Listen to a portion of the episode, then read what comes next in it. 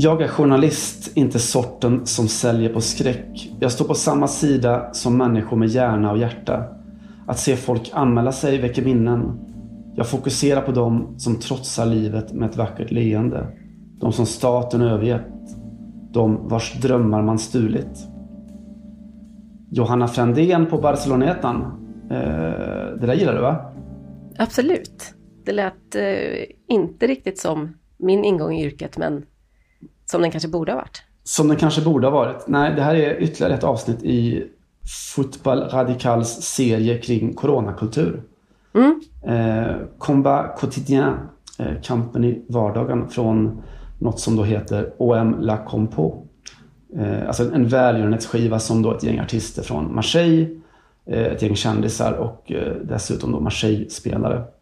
Eh, om det nu finns en dikotomi mellan kändisar och Marseille-spelare, jag vet inte. Som de har spelat in då och gett ut. Eh, en låt de hyllar då de som kämpar sig genom krisen. De hyllar vårdpersonalen, de hyllar blåljuspersonalen, de hyllar fångvaktare, fotbollssupportrar såklart. De hyllar eh, Pape Diouf då, den avlidne, eller corona-avlidne gamle Marseille-ikonen. Och de hyllar också då faktiskt eh, journalister. Eh, oväntat. Lite oväntat, men mm. Med då att de talar om de här riktiga journalisterna som faktiskt gör ett viktigt jobb. Mm. Eh, de rappar om arbetare som inte kan krama sina barn, om butikerna som går under och alla som kämpar dag för dag.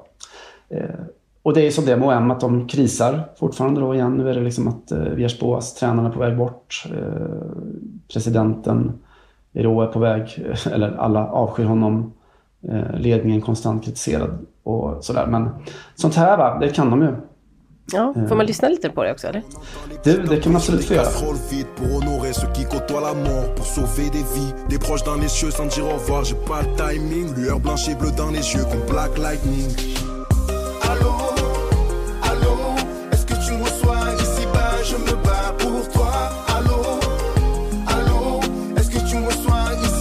je me bats Fils de surveillance m'attend, qui bosse à lui nos beaux maîtres Y'a ma famille qui m'attend, je suis papa, je peux pas tout me permettre Je suis surveillant de prison, mon fils il faut que tu m'excuses Si je repousse ton calais Ja, så där låter de alltså. Eh, Combat Quotidien direkt från eh, Frankrikes sydkust.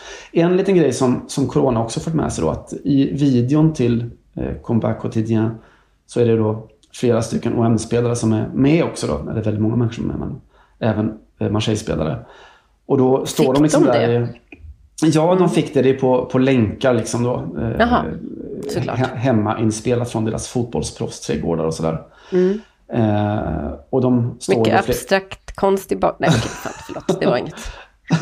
eh, jag kan på, på temat rapport, eller rekommendera ett besök på, på Hemnet där man kan eh, läsa i Expressen se Kristoffer eh, Nordfeldt, alltså landslagsmålvaktens Brommavilla ute till försäljning. Jaha, slog du inte till? Min jag som, slog inte som letar efter hus. jag slog inte till, men eh, om man vill se hur fotbollsspelarkonst ser ut så kan man kika. Ah, okay. eh, men grejen med OM-spelarna här är att de står då flera av dem i matchtröjan. Och det är fan med första gången någonsin som det känns lite sådär fint och rätt att det faktiskt står Uber Eats på deras dräkter. De är sponsrade av Uber. Ja, eller hela ligan va? Hela ligan också, men de är huvudsponsor till, till just Marseille. Ja, det är så det Men ja. varför kändes det rätt då? För att de, de, eh, det är de som typ dör mest i covid-19 tänker jag. Det är de som dör mest och det är de som, som också ser till att människor, eh, om man människor menar medelklassen, kan arbeta hemifrån med sina, sina matleveranser. Ja. Eh, de, det är en väldigt, väldigt tydlig del av att leva igenom en, en karantän, en pandemikarantän. Att man ser vilka det är som jobbar hemma och vilka det är som ser till att de kan jobba hemma. Hur den, den uppdelningen ser ut och vilka det kanske är som är, som är viktigast ungefär. Mm. Eh, så, dagens coronakulturtips kom där. Hur, hur har du det med coronan? Eh, den är väl mig visserligen än så länge frånvarande. Men man kan ju aldrig veta helt eh, säkert. I alla fall börjat ta min temp om månaderna. Aha. Eftersom jag då rent, eh, vad ska man säga, rent eh, officiellt då befinner mig faktiskt i karantän i Spanien. Spanien har ju nämligen gjort den lite järva eh, lite djärva initiativet och bestämt att alla som kommer in i landet, som alltså då är ett av de absolut mest och värst mm. drabbade av corona. Eh, men alla som kommer från andra länder måste, måste sitta i karantän i två veckor och eh, man måste ha koll på sin kroppstemperatur om de ringer och frågar eller om de knackar på kanske. Det är sådär, mitt liv som hund, del två. Du sitter i två veckors karantän för att, för att komma över landsgränsen. Ja men typ. Mm. Exakt så.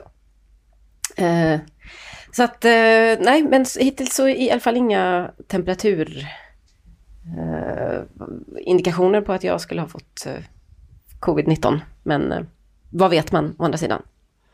Du lever i alla fall i ja, ett land, vad, vad, vad ligger Spanien på? 30 000 döda någonting? Ja, nästan. Eller nästan 29 000, men det är väl en, det är väl en fråga om dagar. Kanske när, po när podden kommer ut och så vidare. Ja, usch hemskt. Ja. Det är lite hårt. Men de ändå, nu har de ändå sagt att de ska dra igång fotbollen här och att de har fått klartecken från den 8 juni till och med. Mm. Så att, eh, ja direkt att jag satte min fot här så helt plötsligt så blev det nytt ljud i skällan då. Lite tidigare än vad vi hade trott, och, sa Pedro Sanchez. Eftersom spanjorerna har, har gjort vad vi har bett dem om. Mm, du satte ner tassen. Mm, lite så. Och så blev det så. Det blir ytterligare mm. fotboll då med, med tomma läktare och eh, ekande, ekande ljud och så vidare. Mm. Eh, jag läste någonstans att var det Barcelona som de tappade ungefär en Messi veckolön, månadslön förlåt, på varje match då utan, utan publik. Oj! Kan det stämma? Ja, för sig 100 000 pers då, tänker man sig. Mm. Uh, och uh, så betalar de tusen spänn i snitt då. Ja, det är väl många säsongsbiljetter och sådär såklart. Men... Ja, okej. Okay. Eh, men det var inte, jag vet inte om det är 30 miljoner och det är väl bara en del av intäktskakan naturligtvis. Mm. Men eh, ja. 30 miljoner är det hans månad. Han har en miljon om dagen alltså? Alltså jag har inte sett hans kontrakt såklart men ligger, han ligger väl där och skvalpar ja, och snittar på, mm. på tusendelarna. Mm. Det är pengar också. Har du sett någon fotboll i helgen kan man ju säga igen nu då? Ja, det är väl så. Mm. Jag har sett highlights, eller jag har sett. Jag såg ju mer förra helgen när jag, eh, jag inledde, inledde ju eh, alltså livet post, post fotbollsabstinens med att se eh, revirderbyt ju. Dortmund mot Schalke såklart. Så det var första, första känslan av den riktiga fotbollen då. Just det. Mm. Men eh, det var länge sedan. Har du sett något eh, kul? Eller bara sett highlights? I... Bara highlights i helgen, ja. Men det var ganska mycket mål i och för sig. Så det kanske var lite trevligt. Ja, alltså det är ju det är spännande om ett tag att se hela det empiriska underlaget. Alltså se hur påverkas spelet fotboll av, av bristen på publik och så. Blir det fler mål? Blir det färre maxlöpningar? Eller, eller vad man nu kan tänka sig. Blir det en skillnad mellan stora och små klubbar och, mm. och allt sånt? Det blir mycket mer bortasegrar i alla fall, det är uppenbart. Ja, det är ju en, en uppsida av, av att se det här, att man får ett väldigt så spännande underlag för att se vad, vad betyder egentligen publik till exempel. Ja. Uh, det ska bli, ska bli oerhört intressant.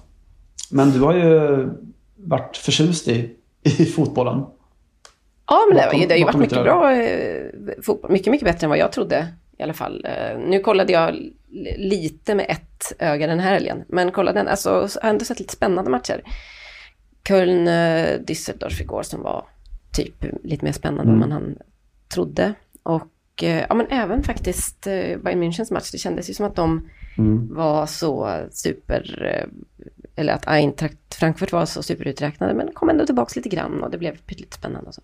Mm. nej, jag vet inte, jag, jag tycker ju att utgångspunkten får ju vara, får man, man måste ju bedöma det här efter efter vad det är liksom. Alla fattar mm. väl att det inte skulle bli lika roligt som, som det var med publikfotboll. Men om man ändå utgår från att det här är förutsättningarna så föredrar ju lätt det här än att typ sitta och titta på repriser av VM 94 om jag, som jag för övrigt inte ens gör för jag, tycker, jag, förstår, mm. jag kan liksom inte den genren. Jag förstår inte riktigt den...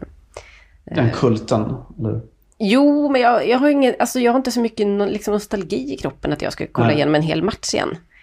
Tror jag, helt enkelt. Jag tror att det är bara, det är väl hela poängen liksom att man, att fotboll där man inte vet hur det går, slår trots allt det mesta.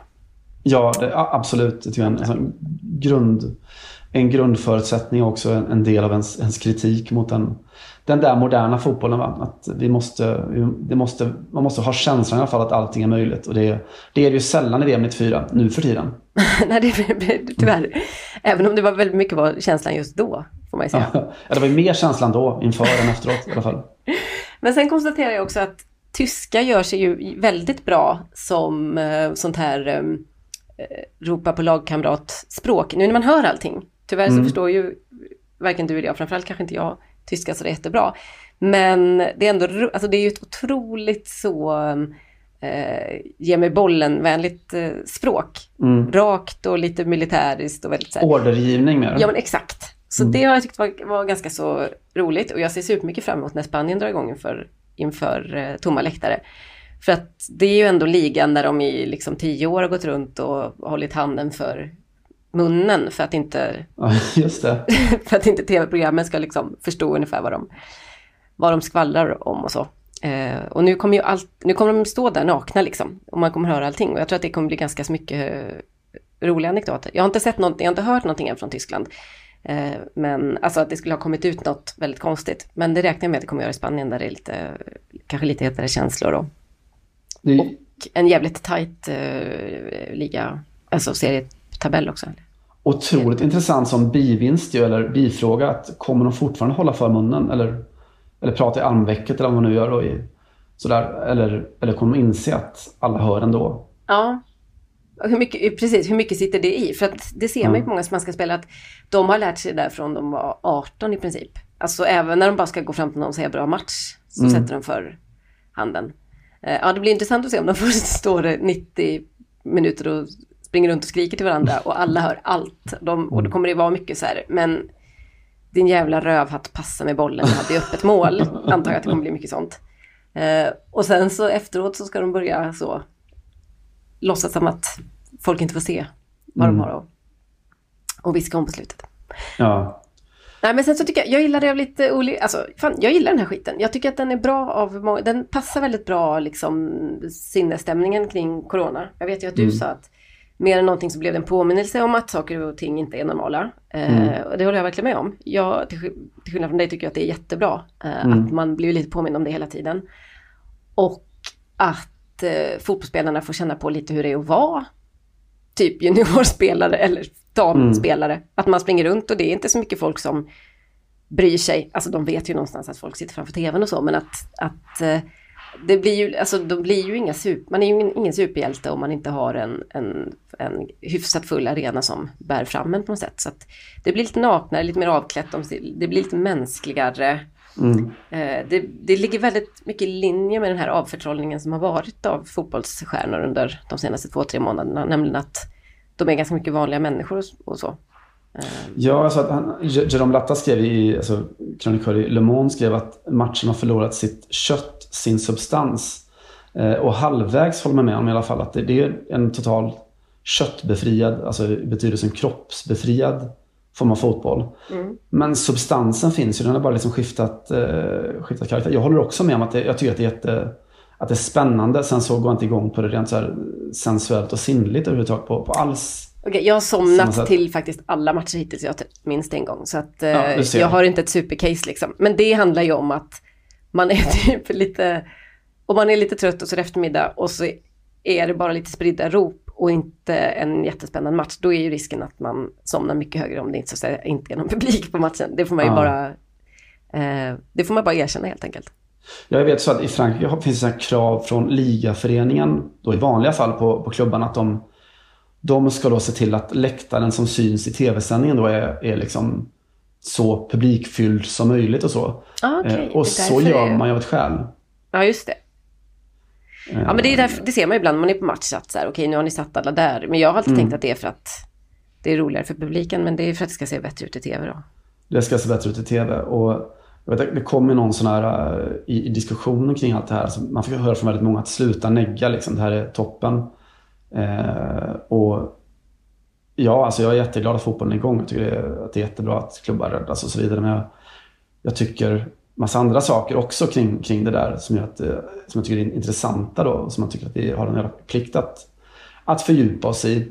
Alltså många sa ju då att ja, men du, du är intresserad av lite, lite kul med division 4-fotboll ju. Och där är det ingen publik, eller, eller damfotboll och för all del som du sa. Där saknar vi inte publiken. Så, nej, men för att där finns ju inte publiken. Alltså, rent filosofiskt och eh, så här, konkret så kan man säga liksom att publiken som inte finns på, på Mallbacken eh, Vä eh, är inte samma publik som inte finns på Köln Fortuna Düsseldorf. Det här, är, det här är superdjupt, men jag försöker förstå. Mm. att eh, på ena stället så blir det en avsaknad liksom, av någonting. Det är någonting som saknas, alltså en, en publik. Men det var något riktigt det jag sa, eller det kanske lät som att jag sa det nu. När jag skrev om det så menar jag mer att jag, jag, den här idén om att det här är inte riktig fotboll. Det är den som stör mig mm. lite grann. För då är det så mycket som inte är riktig fotboll. Och, och det var egentligen mer, mer det jag menade. Mm. Jag, jag, ing, alltså ingen tycker att det här är bättre än fotboll med publik. Liksom. Det är väl helt självklart. Nej, men det, Fast jag min... tycker kanske att det är lite bättre nu när jag tänker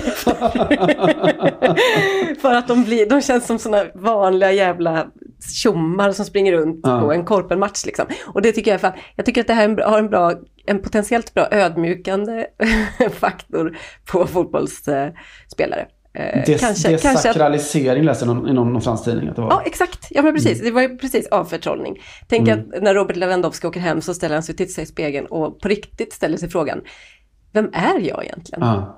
Uh, och det kanske, det kanske var dags att han gjorde det om du förstår vad Ja.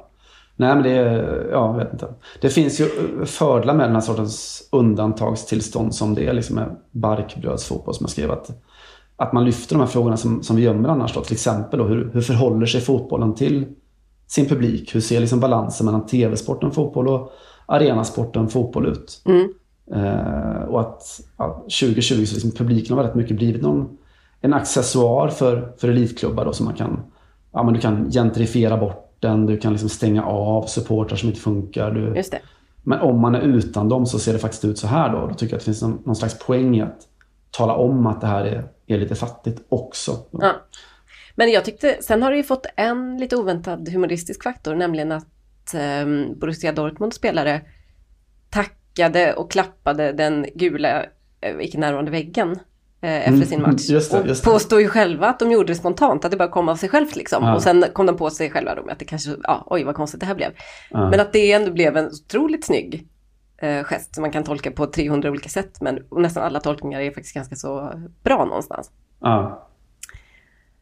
Nej, sen, så, sen lyssnade jag på en podcast som heter Stadio, eller Stadio, som jag, en brittisk som jag lyssnar på ibland. Och där de två brittiska killar som eh, brittiska journalister som bor i Tyskland just, så att de har ju superkoll på tysk fotboll. Och eh, mm. pratade just om det här att eh, det intressanta med att den allra första matchen som drog, eller ja, de, de första matcherna eh, i Bundesliga som drog igång, där är ju bland annat eh, den som du skrev om, spelades, mm. Ror, där, eller Riviera-derbyt.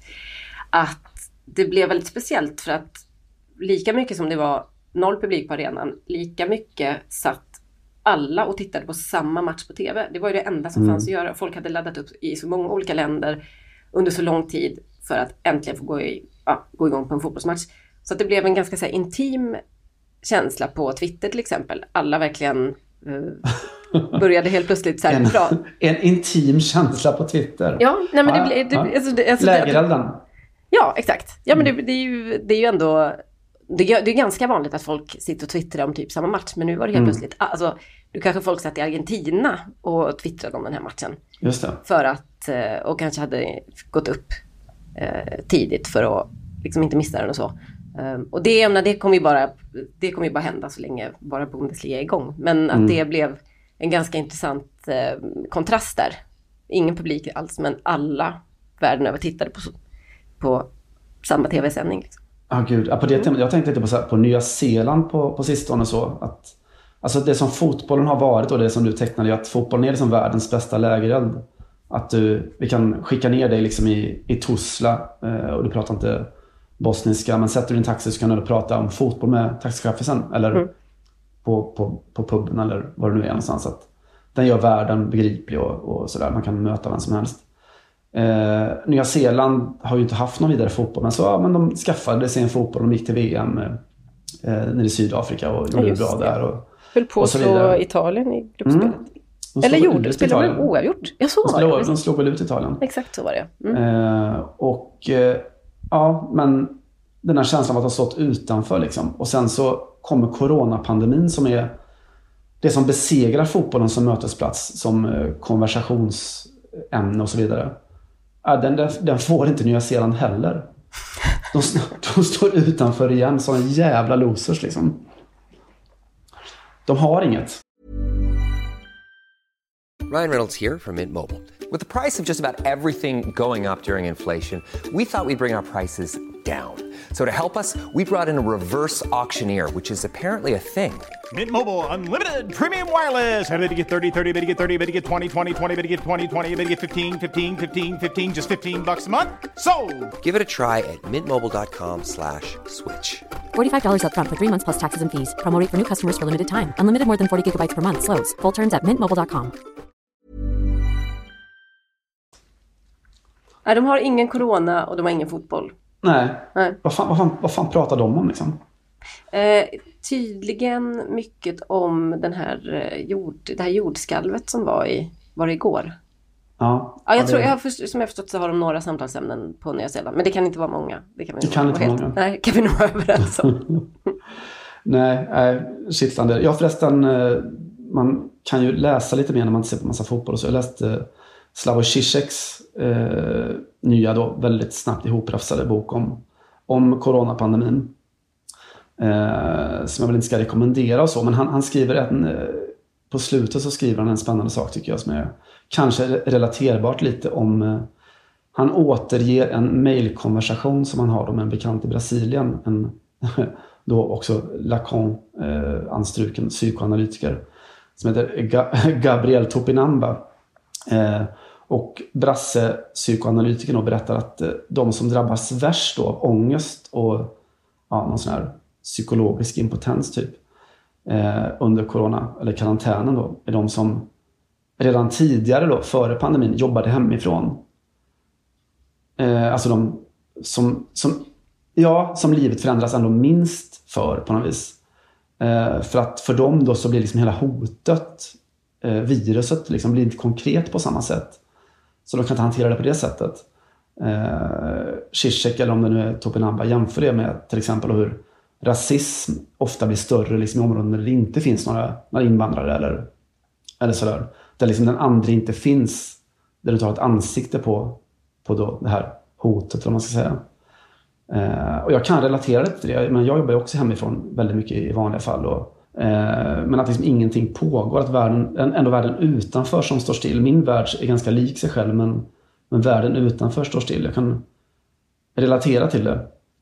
Eh, nästa referens har jag ytterligare. Har du sett förresten den här eh, SVT Play nu sänder filmatiseringen av Sally Rooneys Normala människor.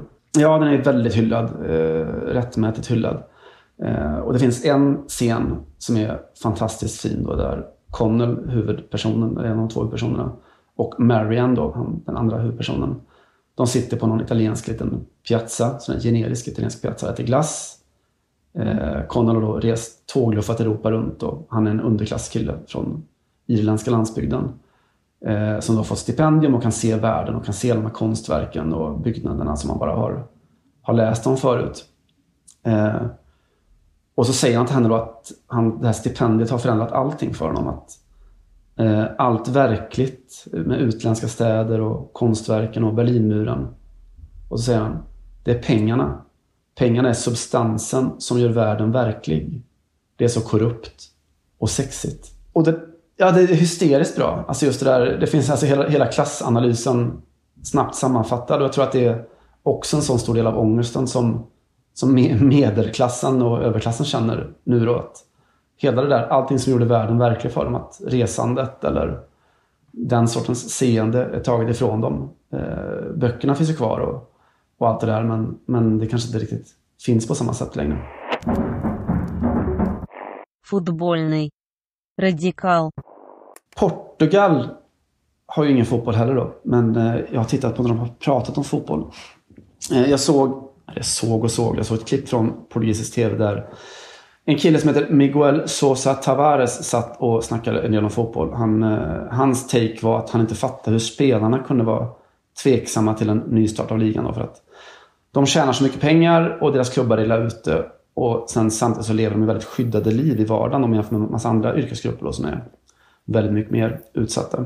Som tar liksom mycket mer risker Precis. underförstått då. Mm. Ja, om, om, om nu vården kan lira boll, varför kan inte fotbollsspelarna göra? Ungefär. Just Eh, Men det var inte det som var... Om nu vården kan rädda liv, varför kan inte fotbollen också rädda liv? Just det. Eh, sa aldrig PSG innan de kommunicerade ut ett nytt. Eh, jag tror att man har gjort någon ny grej nu med att få in massa jag vet inte, munskydd eller vad det nu var. Dessa, dessa världens vardagshjältar. Eh, så långt. Är, är, är- är det för att Kylian Mbappé har suttit hemma och sytt då? På, på sin symaskin? Rörligt kommer. Eh, det vore Vilken fint. Han kan ju säkert sy i och för sig. Det var ett Ja, exempel. ja så det, det är klart han kan. Ja. ja. Ne, nej, Flöjt, blockflöjt till exempel. och då kan man väl sy. Det var väl typ de som var bra på blockflöjt var väl också duktiga på syslöjd. ja, det tror jag. Det tror jag hängde ihop. Fan, förlåt för att jag, Totalt jag bara överlappade. Våldtog ditt ämne här. Varsågod, fortsätt. Det, det gjorde du rätt i. Eh, nej, men det, det som var mer intressant som, eh, som Tavares sa var att han, eh, han lanserade en ny portugisisk presidentkandidat. Eh, Jag ska återkomma till det. Portugal, ju eh, Europas sosse-mönsterelev de senaste åren.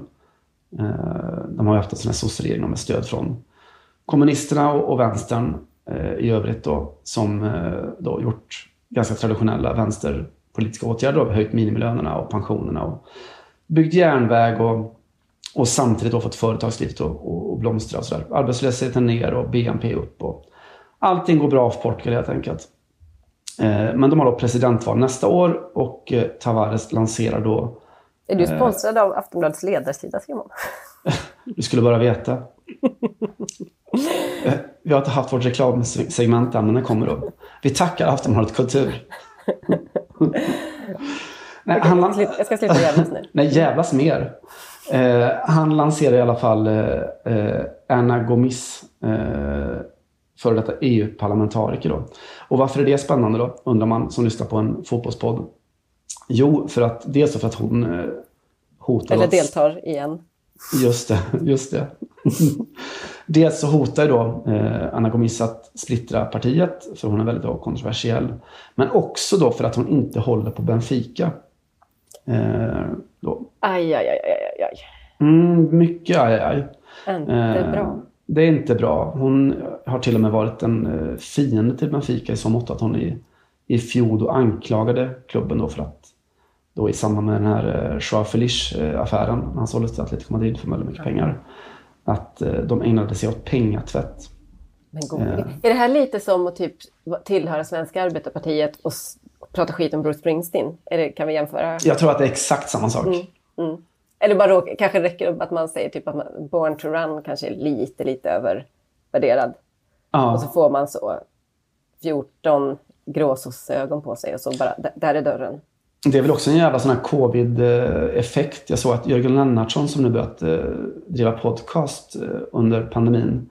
Han sa att eh, jag då, alltså en följd av corona och av att han har fått sparken från Norge, i Norge. Jag som normalt bara alltid lyssnar på Bruce Springsteen har nu börjat lyssna på poddar också. Ja, nej, ja. Utan titel, eller vad brukar man säga om den typen av konstverk? Väldigt mycket utan titel. ah, Okej, men då gissar jag att då har börjat lyssna på då, då är det väl Alex och Sigge då, är väl det första naturliga steget om man eh, gillar Bruce Springsteen och ska börja lyssna på en podd. Ja, det kanske kan vara det. Jag vet faktiskt inte. Jag vet, jag vet inte ens om det var, var specificerat. Jag vet inte vad mest Bruce Springsteen-kompatibla poddarna är för något. Kanske Filip och Fredrik. Ja, det är, jag menar- att det är The Highway i alla fall. Det är någon av de stora. Du är inte nere på, på någon liksom... eh, Det är inte en varg söker sin podd. Nej, det är det fan inte. Exakt. Exakt. Det, men ge det en månads karantän till. Om Tegnell skjuter upp allsvenskan en vecka eller två till så kanske Lennartsson kliver in. Ja, ja. Jag vet inte. Eh, Anna Gomis, hur som helst, hon eh, då, alltså Benfica tog inte det där stillatigande såklart. Eh, och protesterade och satte press på henne. Och hon satt i tv och så svarade hon, som jag på film ungefär, att well, Är det Joe me. Fitz-storyn vi är på nu? Vi är där fortfarande. De gillar inte det. När hon sa typ så här, men, ja, men då stäm mig då så får vi se liksom. Eh, och det här är ju inte Benfica särskilt vana vid då, att det funkar så. Det är så, varannan portugis ungefär håller på Benfica och väldigt, väldigt många makthavare är då öppet supportrar till klubben. Just det.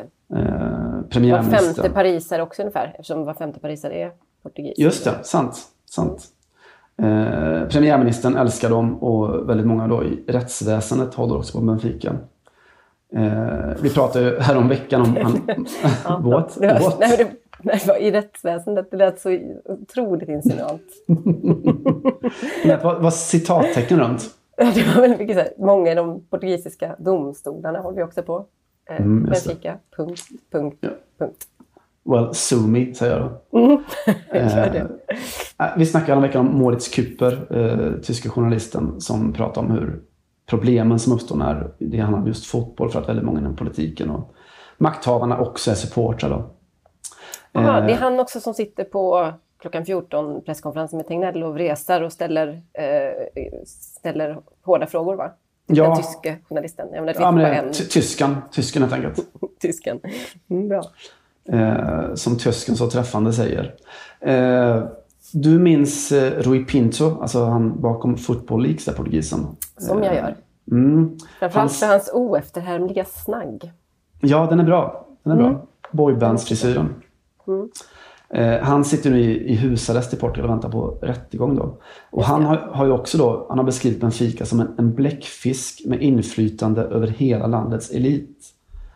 Eh, Anna Gomis såklart har stöttat Pinto. Eh, hon då efterlyser transparens inom fotbollen. Men han då, Rui Pinto, riskerar alltså fängelse och domaren då som fick fallet på sitt bord heter Paolo Registro. Gissa vilken klubb som Paolo Registro håller på? Herregud, det här var verkligen domstolarna och så vidare. Ja. De korrumperade Benfica, domstolarna. Du tror bara jag snackar. Nej, det är jätte, jättebra. Nej, men jag gissar väl på att det, att det, var, att det inte var eh, Porto. Nej, det är väldigt mycket Benfica där också. Eh, portugisiska journalister har börjat gräva och så hittar de då ett gäng sådana inlägg på sociala medier som, som han har gjort på och där Han hyllat Benfica. Och ett också där han kallat Rui Pinto för en pirat. Eh, Men då är frågan om det här liksom är ett så extremt ehm, politiskt, eh, en, en sån extrem politisk indikator. Är det, kan det vara så i, inför portugisiska domstolar att, att man kan åberopa jäv då om man ser att, inte att någon har uttryckt sig illa kanske om den som är den åtalade, utan att någon bara uttryckt eh, sympati med Benfica på sociala medier. jag tror det räcker att du ser att de har någon sorts... Att de äger en örn eller så, tror jag räcker. Som, som väldigt många domare gör i det portugisiska rättsväsendet. Verkligen. Men Rui Pinto, om vi ska vara, vara lite på tal om att ha integritet. Han både älskar ju, eller älskade i alla fall, Cristiano Ronaldo. Det var ju hans stora idol. Och eh, drog fram eh, massor med komprometterande information om honom. Bland annat då var han ju en del av eh, våldtäktsdokumentationen och så vidare. Just det. Som Der Spiegel jobbade med. Omutbar brukar man kalla sådana människor. Den omutbara, den lite, lite sämre uppföljaren till de omutbara. Eh, nej, du kan garva hur mycket du vill, men det är absolut ingenting unikt då. Han, Registo, tydligare, alltså domaren då, har dömt och friat i fall som handlar om korruption i Benfica. Eh, han har en kollega då, en Benfica-supporter också, som har fått till och med utmärkelser av Benfica som då tog på sig att döma i ett fall där Porto var svarande. Och så. Men gud. Mm, det är något som det pratas om i Portugal, att, eh, att just det här med fotbollens makt och Benficas särställning som ett problem. Eh, Och då undrar man lite som, om Anna Gomis då skulle bli president så kanske det händer någonting. Vi vet inte. Det är inte säkert att hon vinner och det är inte ens säkert att hon ställer upp. Eh, Men i veckan så satt alltså då i alla fall Miguel Sosa Tavares i tv och tyckte att hon borde göra det. Ta- Tavares slutligen då är själv då författare, jurist och journalist. Han skriver i Abola, bland annat, den fotbollstidningen. Han är son till en poet och en advokat. Bra kombo. Eh, och så en liten detalj till då. Eh, Tavares är fanatisk Porto-supporter. Där satt den. Där satt den.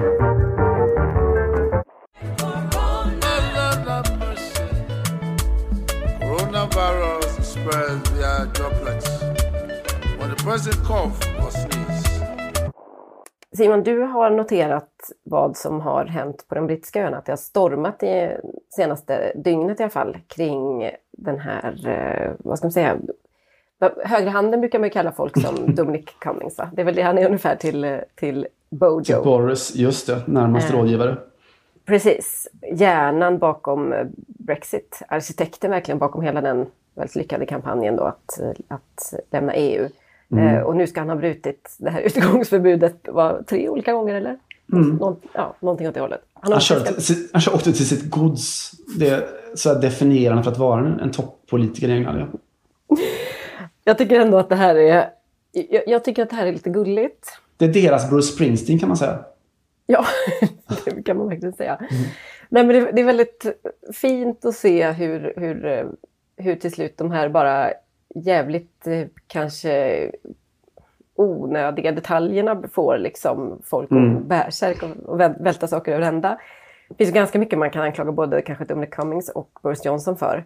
Att de åker och hälsar på sina, vad det nu är då, föräldrar eller eh, älskarinnor eller må ju vara hänt. Men det är ju utan tvekan så att de här coronaförbrytarna är liksom de absolut största skurkarna våren 2020.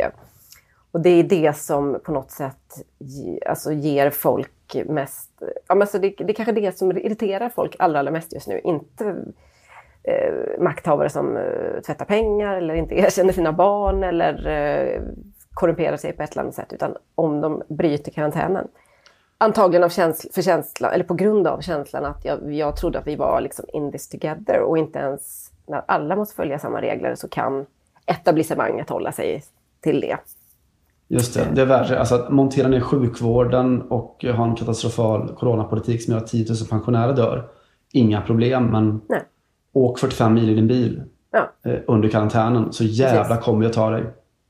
Precis så. Eh, Jag antar att det är för att det är, det är, liksom, det är väldigt konkret. Det är väldigt eh, lätt att avgöra vad som är rätt och fel här.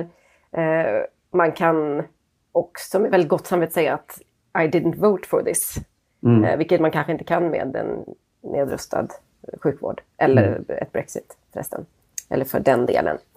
Eh, skitsamma, vi har ju pratat lite om de här fotbollsförbrytarna på coronasidan då. Eh, under våren. Bland annat eh, kanske mest Kyle Walker som anordnar någon form av se- sexfest med eskorter och så vidare. Just före lockdown då och gick ut och bad om ursäkt för dålig kvinnosyn. För, en, eh, för att ha bedragit sin flickvän och för att ha varit en dålig maskulin förebild. Just det. Nej, det gjorde han inte. Han bad om ursäkt för att han hade brutit eh, karantänen och rekommendationerna såklart. Den inverterade Paolo Roberto kan man säga. Ja, men exakt. Precis så. Och, det här, och, det här, och jag tror kanske att eh, vi har den här, alltså effekten av den svenska strategin som är lite lugnare då med lockdown och karantän och så vidare. Alltså det svenska undantaget under coronatider är ju, manifesterar sig verkligen här. Alltså att vi tycker att det sunkiga med Paolo Robertos agerande är att han har köpt eh, en dittvingad då enligt eh, egen utsago kvinnas kropp. Medans om det här hade varit i Storbritannien så hade de förmodligen snarare gått på honom för att han hade eh, brutit mot reglerna och inte träffat människor man inte känner eller ta risker helt enkelt. Eh, Är det fel på oss eller fel på dem? I don't know. Men jag konstaterar att det är fler och fler fotbollsspelare som på ett eller annat sätt bryter mot reglerna. Det var ju några i början precis där. Det var fler i Premier League. Mason Mount och eh, Declan Rice var det väl som spelade typ tennis ihop. Eh, vilket ju också är... De var ute i parken en sväng.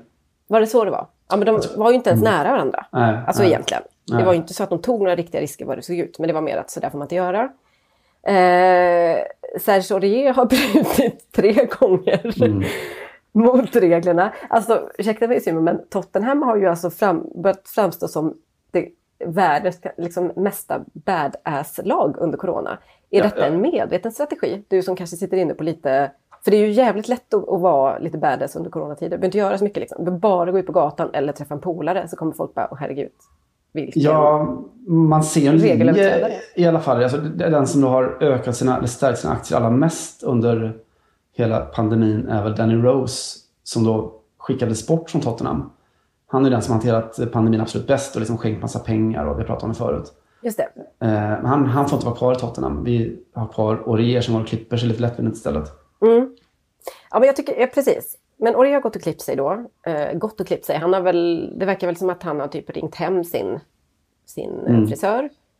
Eh, och jag tycker han, han förtjänar absolut kritik för att det, den jävligt fula frisyren, alltså ett liten sån blixt på sidan. Det är Mm. fan inte okej att raka in när man är över 20. Det är ingen. Rui Pinto-frisyr direkt. Nej, det är fan det inte. Men jag kan känna att gå och klippa sig då, eller ja, bli hemmaklippt. Eh, att jogga ihop med en kompis och lägga upp det på Instagram som man hade gjort eh, tidigare. Och att träna ihop med lite för nära Moussa Sissako. Det här är hans, nämligen hans tre då, eh, regelbrott under, under corona. Som han och dessutom gick ut och bad om ursäkt för. Både han och Sissoko gick ut och sa att förlåt, det här var inte meningen, det var dumt gjort och så vidare. Det är ju, det är ju några stepp ner från att sitta och röka vattenpipa och titta in i en mobiltelefon och säga att Laurent Blanc är en fitta. Vilket, han ju, vilket ju var det han gjorde I eh, på Paris. tiden i PSG, PSG och inte behövde lämna klubben. alltså han fick ju be lite om ursäkt såklart. Men det var ju inte så att de tyckte att han behövde sparkas riktigt eh, för det.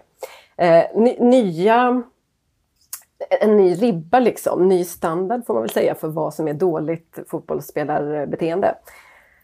Och så i helgen då, eller igår var det väl, så, så kom ju det stora liksom gruppregelbrottet i Sevilla. Du kanske såg det, Ever Banega, Lucas Campos och eh, två till som hade alltså hemmafest helt enkelt. Det var 37 grader varmt i Sevilla. De eh, drog ihop ett eh, kompisgäng, spelargäng med Wags då, komplett. Det var väl en av Wagsen som la upp det här på sociala medier också. Det var ju inte tanken att det skulle komma ut såklart. Men hon tänkte väl inte på det och la upp lite bilder på när de satt 10-12.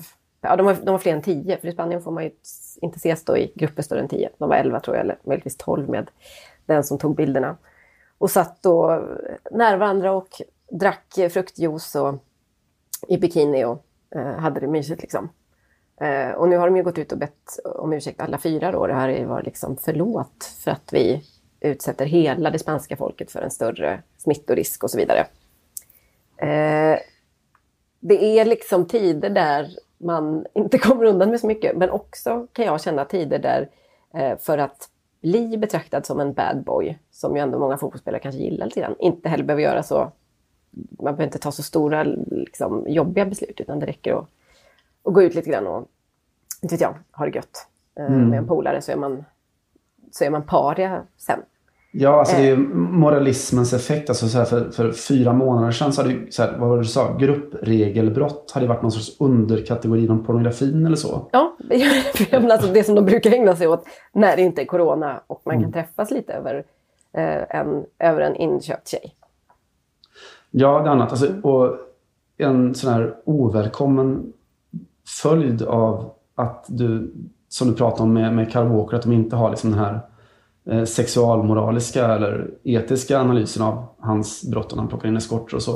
Den feministiska kallar vi den Simon. Så sexualmoraliska lät lite väldigt mycket USA.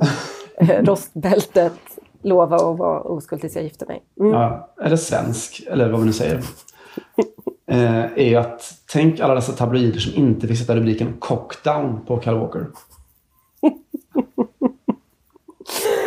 Do you know any cocktails? No. Do you want me to tell you one? Okej. Eh, ja, nej. Det, alltså det, det är jävligt många saker som vi går miste om här för att det råder, råder lite allmänt paniktillstånd här. Jag känner ju också att eh, det blir mer och mer tydligt vilka som är eh, de nya liksom, angivarna i samhället. Alltså det är jävligt tydligt för det är de, eh, en hel del opinionsbildare för övrigt, som bara utan att någon har frågat lägger upp bilder på svenska uteserveringar. Det, det var kanske mer tidigare men jag vet inte om du såg det? Att det var mycket så här, så här såg det ut på Medborgarplatsen idag. Man bara, men Aha, är, man får gå ut och dricka eh, en öl. Det är så att säga inte, vi har inte de reglerna i Sverige. Man sitter väldigt tätt här och så vidare. Eh, nej, men man vet ju, alltså summa summarum så förstår man ju ungefär vilka som hade stått och slagit på lyset och skyfflat in kol i eh, och dragit på gasen i ugnarna efter andra världskriget. Det är ju typ i princip samma, det är ju lite den känslan just nu. Att man bara gör, att man hänger ut och eh, misshandlar människor för att de bryter mot coronareglerna. Det är jävligt intressant det där. Alltså, nu vet jag inte om jag är på väg att göra den andra så här Slavoj Zizek-referensen under ett, ett och samma avsnitt. Jag ber om ursäkt för det i så fall. Jag tror att det är han som... Då, det, det, är bra för då bör, börjar vi närma oss Stormens utveckling som för övrigt har eh, fått utstå en helt bisarr kritik eh, den här veckan. Eh, mer, mer om det en annan gång. Mm. Eh, jag ska ta in det sen. Men det som Zizek, jag, jag tror att det var han som skrev om hur, alltså skillnaden på att leva under kommunismen och att leva under nazismen. Eh, att under nazismen, om du var medborgare där så, så visste du exakt vad du skulle förhålla dig till. Alltså, jag vet inte om det finns någon slags parallell till de här totalt nedstängda samhällena. Att du visste, gör så här så är det fel. Gör så här så är det rätt då, enligt regimen. Mm. Eh, men alltså under kommunismen så förvandlades alla, det var så ett rent angivarsamhälle. För att det var en, en sorts flytande ideologi. Att du kunde ange din granne som, som betedde sig antisocialistiskt eller antikommunistiskt. Och ingen visste riktigt vad det var. Alltså, som någon slags häxprocess bara. Ja, just det. Det var, inte, det var mycket lättare att säga så här, min granne är jude. Då var det liksom inget... Eh, eller homosexuell eller vad det var. Ja, svart, svart, och vitt liksom och, och mm. tydlighet. Mm. Mm. men lever du i en kommuniststat så kan alla ange vem som helst. Och det är mycket, mycket svårare att, att förhålla sig rent existentiellt till vad som är rätt och fel i samhället. Ja, eh, och, ja, angiveristaten är, är på väg tillbaka helt enkelt i vår. Kanske för att vi har då, att det varit mycket mer öppet och så. Jag tror att det handlar om att folk älskar att ange varandra och jag tror att mm. det är även 2020 så bara är, finns det otroligt många europeer eller människor runt om eh, på jorden som har den här angivargenen latent och som bara mm. är så jävla nöjda att den får blomma ut nu, för det har de verkligen gjort på många håll. Och att eh, framförallt då i det här fallet många fotbollsspelare har fått eh, be om ursäkt för saker som fan inte är så himla allvarliga om vi ska vara helt ärliga. Nej. En som kanske har gjort då li, lite allvarligare grejer är kanske då Salomon Kalou. Det är ju några veckor sedan han la upp en mm. video där han gick runt och tog alla i hand och eh, sjöng lite grann om corona. Lät, mm. inte så, det lät inte superdåligt men eh, den var ju kanske lite mer provocerande. Där kan jag känna, vad är poängen att gå ut och be om ursäkt för en sån sak? Det, han gjorde ju allt bara för att provocera. Och sen mm. gå ut och säga, oj det var inte meningen. Den är sämre. Ja, mm. Den är sämre, den är sämre. Mm. Äh, besvikelse för Kalle man har, jag ska inte säga sett upp till, men han har ju haft en goda aktier som en, en, en god samhällsmedborgare tidigare. Han har ju fått, uh, han är väl fortfarande avstängd från mm. Hertha Berlin efter detta. Mm. mm. Just det. Mm. Det om det, eh, fotbollsförbrytarna, eh, de nya så att säga.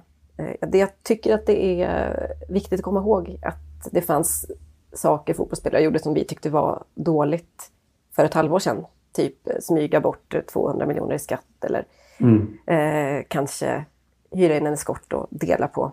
Men nu är det ju när de bryter eh, så att säga de, den sociala distanseringen som de ska hängas ut på tvätt. Så hade det hänt samma sak idag, Lionel Messi blir sänkt för att han har gömt undan 200 miljoner i skatt, eller 2 miljarder i skatt, eller vad det nu kan vara. Eh, så skulle reaktionen i, låt säga, Marca eller Paris bli Va? Vad i helvete har han varit och träffat sin revisor? Mitt under karantänen. Mm. Och, då skulle han ju, och då skulle ju faktiskt Leo Messi kunna försvara sig med, ja men min revisor är min pappa, det vet ni. Och vi ingår i samma hushåll. Dada. Är han 70 plus, din pappa? det är absolut inte. Han är i våran ålder för fan Simon. Har du inte sett hans pappa? Vidrigt. Mm. Ja, vidrigt på alla sätt. Jag tycker om att det finns något som heter våran ålder i alla fall. Du och jag Johanna, du och jag. Du, ska vi uh, gå vidare med lite känslopjunk eller? Åh, fyll mm. mig med det. Jag ska göra det. Det är lite veckans, eller veckornas då. Vi hoppade över inspelningen förra veckan. Det blev så på grund av orsak. Men jag gick in i den tänkta inspelningen och hade tittat på Valentina Giacinti, eh, anfallare i italienska landslaget, som du faktiskt såg live mot Holland i VM förra sommaren. Det är ett fruktansvärt bra minne du har, eh, Simon. Mm, jag fick minnas vilken stad det var, men det gör jag inte riktigt. Du var ju uppe i norr någonstans. Ja, det var, det var det var. tror jag. Eh, Valenciennes kanske? Valenciennes kan absolut ha varit. Det tror jag mm. att det var till och med. Mm. Mm. Eh, hon sköt då Italien till kvartsfinal i, eller till den matchen då i, i VM. Och utsågs till matchens spelare då i den matchen mot Kina tror jag. Eh, och la upp en, en, bild på Insta efteråt. Och de dedikerade sin framgång till sina närmaste och särskilt till en person, eh, morfar Ricardo. Eh, och det är något som hon brukar göra. Hon tillägnar alla mål hon gör till honom. Hon är, har då vunnit skytteligan i Italien flera år i rad. Så att mycket mål och mycket dedikationer blir det. Och hon mycket gör mål och mycket mys. Mycket mål och mycket mys. Mm. Eh, mycket mål och mycket morfar. Han var då typen som alltid följde henne då från då att hon spelade i ungdomslagen hemma i Bergamo eh, och sen vidare karriären då från Atalanta till Napoli, Brescia och landslaget. Eh, han såg nog när hon debuterade i landslaget och han har sett henne då vinna de här skytteliga titlarna. I september 2018 då så debuterade hon i, i Milan som då var den här klubben som morfar Riccardo älskade över allt annat. Eh, men morfar då dog precis före matchen och fick inte se då att hon gjorde fyra mål för Milan eh, i matchen. Mm. Och efter matchen så var då eh, Vale ute på Insta igen och skrev att så här skrev hon. Eh, jag gjorde mitt bästa för det var, det var det som du alltid ville att jag skulle göra. Du ville att jag skulle kämpa som du har gjort. Nu vet jag inte vad det blir av allt. Jag vet inte hur söndagarna kommer att vara utan dig. Utan dina du kunde gjort fyra, fem mål idag.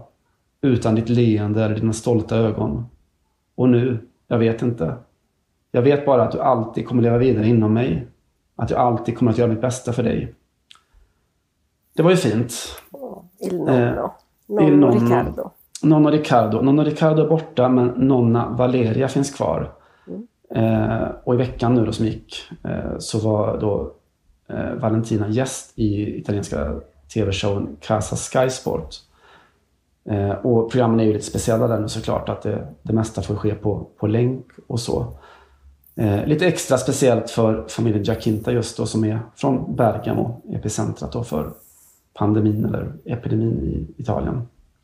De får inte träffa varandra så att eh, Casa Sky Sports avslutades med att de fick med då mormor på länk Eh, och alla som lyssnar kan ju inte italienska, men jag tror att ni fattar ändå när ni hör.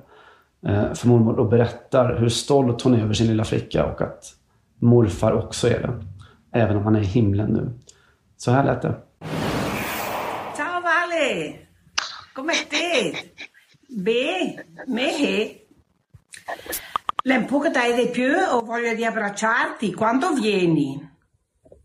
No, no. Poi ho voglia di vederti giocare in campo e segnare tanti gol.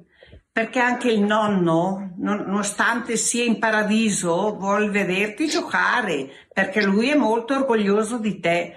E quando dico che te to, giochi in, la Valentina la zona in campo, anche in fotografia sembra che sorrida. Ciao Vale, un abbraccio forte forte e spero di rivederti presto.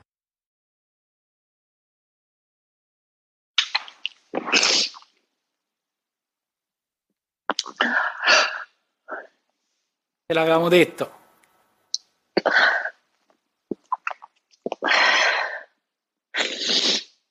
Inte ett öga torrt. Nej, det är något med mormor ändå. Det får man säga. Mm. Fint. Ska vi ändå ta och knyta ihop säcken och vandra härifrån med utgångspunkt i Tyskland, som ju är den enda fotbollen vi har att förhålla oss till eh, just nu. Jag eh, har ingen större, bättre, mer genomgripande motivering för eh, dagens utmarsch än att den är tysk och den handlar om vad som sker under masken. Det här är Buntspecht med låten Unter den Masken. Ses nästa vecka! Ciao! Unter den Masken Da funkeln die Zähne Und ich gehe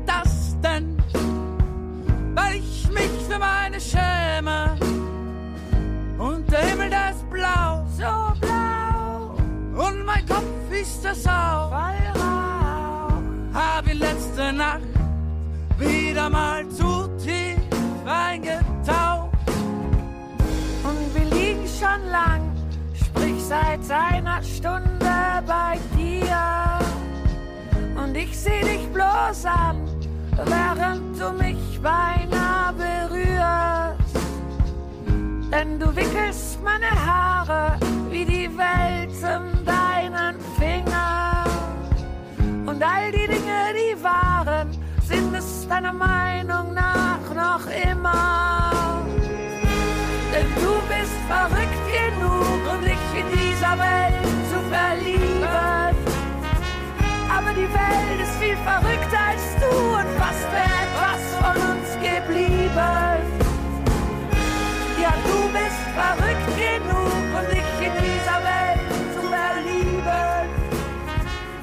Die Welt ist viel verrückter als du und fast wäre etwas von uns geblieben.